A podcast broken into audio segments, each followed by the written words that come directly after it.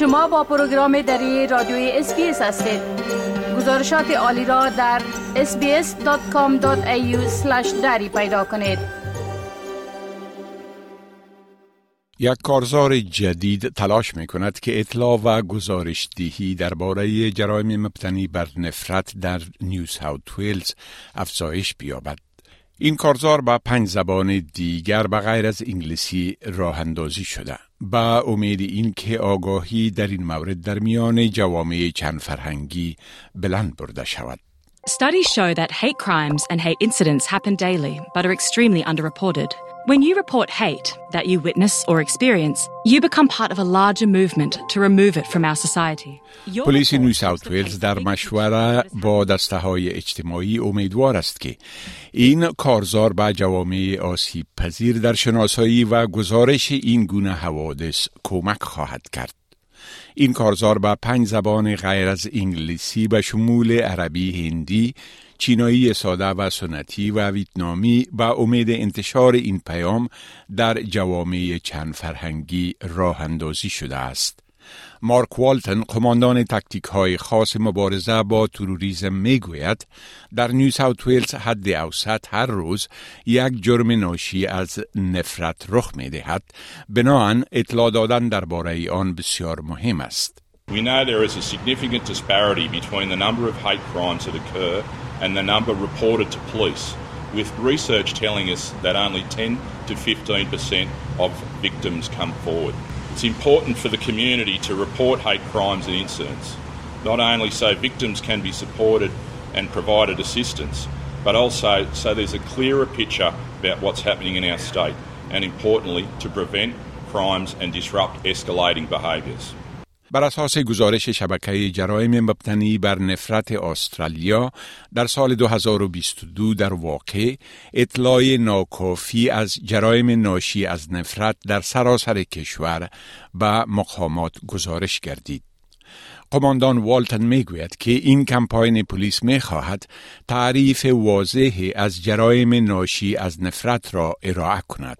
A hate crime is a criminal offence motivated against persons associated or, or property or society that is motivated in whole or part by an offender's hate against an individual or group's actual or perceived race, religion, ethnic, national origin, sex, gender, gender identity, age, disability status, sexual orientation, or homelessness.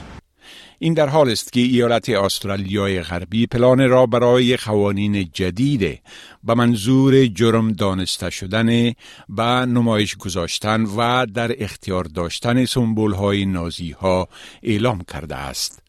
حکومت این ایالت هفته گذشته در بیانیه گفت که نمایش این گونه سمبول ها برای بسیاری از مردم به خصوص جامعه یهودی بازماندگان هالوکاست و کسانی که علیه فاشیزم جنگیده اند توهین آمیز است. درن بارک مدیر عامل هیئت مدیره اجتماعی یهودیان می‌گوید که مشوره منجر به درک بهتر انواع جنایات ناشی از نفرت علیه جوامع یهودی شده است. We have seen uh, taunting, we have seen uh, speech, hate speech, uh, which has also led to assaults.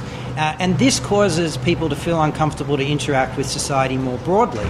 So when they experience one particular incident, uh, the difference about hate crimes and hate incidents is it doesn't only affect an individual, it doesn't only affect their family, but it, infects, it, it affects an entire community.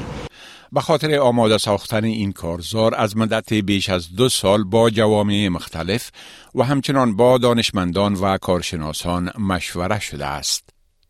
پندت راما از شورای روحانیون هندوی استرالیا می گوید که مشکلی که در میان جوامع هندو شناسایی شده سردرگمی در مورد روش های اطلاعدهی و قلت کمک در این رابطه است. From where I come from, from the Indian subcontinent, most of the people they have the inherent tolerance in terms of they don't want to get in deal with the bureaucracy of uh, such crimes being they first of all don't even recognize it is a crime mainly because they're so used to happening around wherever they move in and that could be the reason from my experience and also generally um, if it could be cumbersome when you wanted to pursue the path, often if there is no law enforcement agencies and if it's not clearly been uh, saying that yes, it is a crime, but it's not widely supported uh, or lack of support in that area, could definitely uh, be the detour for them or to hold back. در واقع کارشناسان می‌گویند که اگرچه اقدامات برای افزایش گزارشدهی و اطلاعدهی مهم است اما باید این کار با میکانیزم های حمایتی مناسب همراه باشد. دکتر ماریو پویکر استاد پوهنتون ویکتوریا و متخصص نجات پرستی و جنبش های سیاسی تندرو است. او می‌گوید تحقیقات در جوامع نشان داده که بدون ساختارهای حمایتی گزارش دیهی گاه اوقات می تواند بیشتر از این که فایده داشته باشد زیان آور می باشد. برند مکی مشاور سیاستگذاری ایکان که قبلا به عنوان شورای ایدز نیو ساوت ویلز شناخته می شد با دکتر پیوکر موافق است او می‌گوید بسیاری از اعضای جامعه همجنسگرایان و LGBTIQ+ گزارش دادن به پلیس را آسیب آفرین می دانند و خواهان شفافیت و افهام و تفهیم بیشتر در این روند هستند. There's an enormous history of homophobia um, in the police, especially in the, in you know in the earlier days, such as 1970s, 1980s, before law reform, before it became legal. So there, there are a whole lot of people who would have real hesitancy, older people who would have real hesitancy going to the police around these sorts of issues. And even young people um, today from, from the LGBT communities, trans people have, have, have had very poor experiences with police um, in more recent times. Um, and um, building trust with those is about getting the police engaging with those communities and, and actively trying to build trust with, with those, those, those, people. And that's going to take a very long time. این کمپاین همچنان شامل بخش رسانه های اجتماعی و مجموعه های آموزشی به منظور تجهیز بهتر کارکنان پلیس نیو ساوت ویلز برای مقابله با این گونه جرایم است. پلیس می‌گوید در حالی که آنها فقط می توانند به روش های مجرمانه پاسخ دهند گزارش دهی در دراز مدت با ارائه تصویر واضحتر از ماهیت و میزان وقوع این حوادث در جامعه کمک خواهد کرد.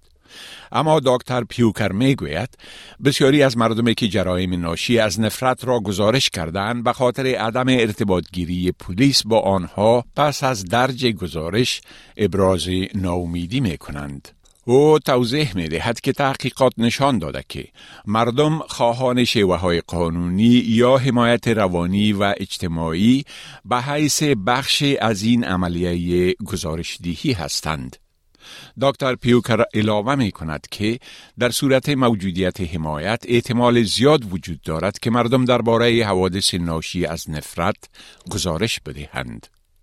ظهور گروه های افراطی را بسیاری از رهبران جامعه و سازمان های چند فرهنگی به حیث محرک جرایم ناشی از نفرت تلقی می کنند.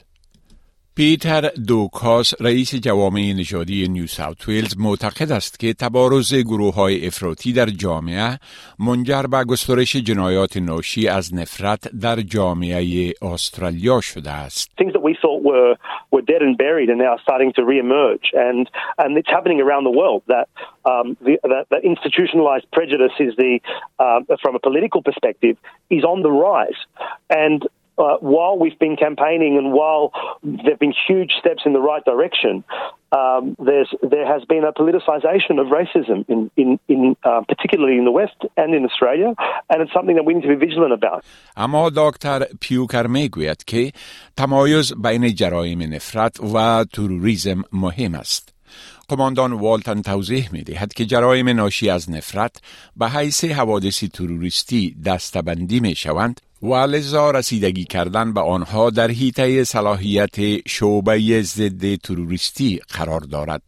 ولی دکتر پیوکر معتقد است که تلفیق این دو موضوع این مسئله را در حاشیه جامعه قرار می دهد در حالی که در واقعیت جرایم ناشی از نفرت به جامعه عمومی هم نفوذ می کند برای بسیاری مردم راه اندازی این کمپاین به خاطر بلند بردن میزان گزارشدهی جرایم مبتنی بر نفرت یک گام مهم به جلو است.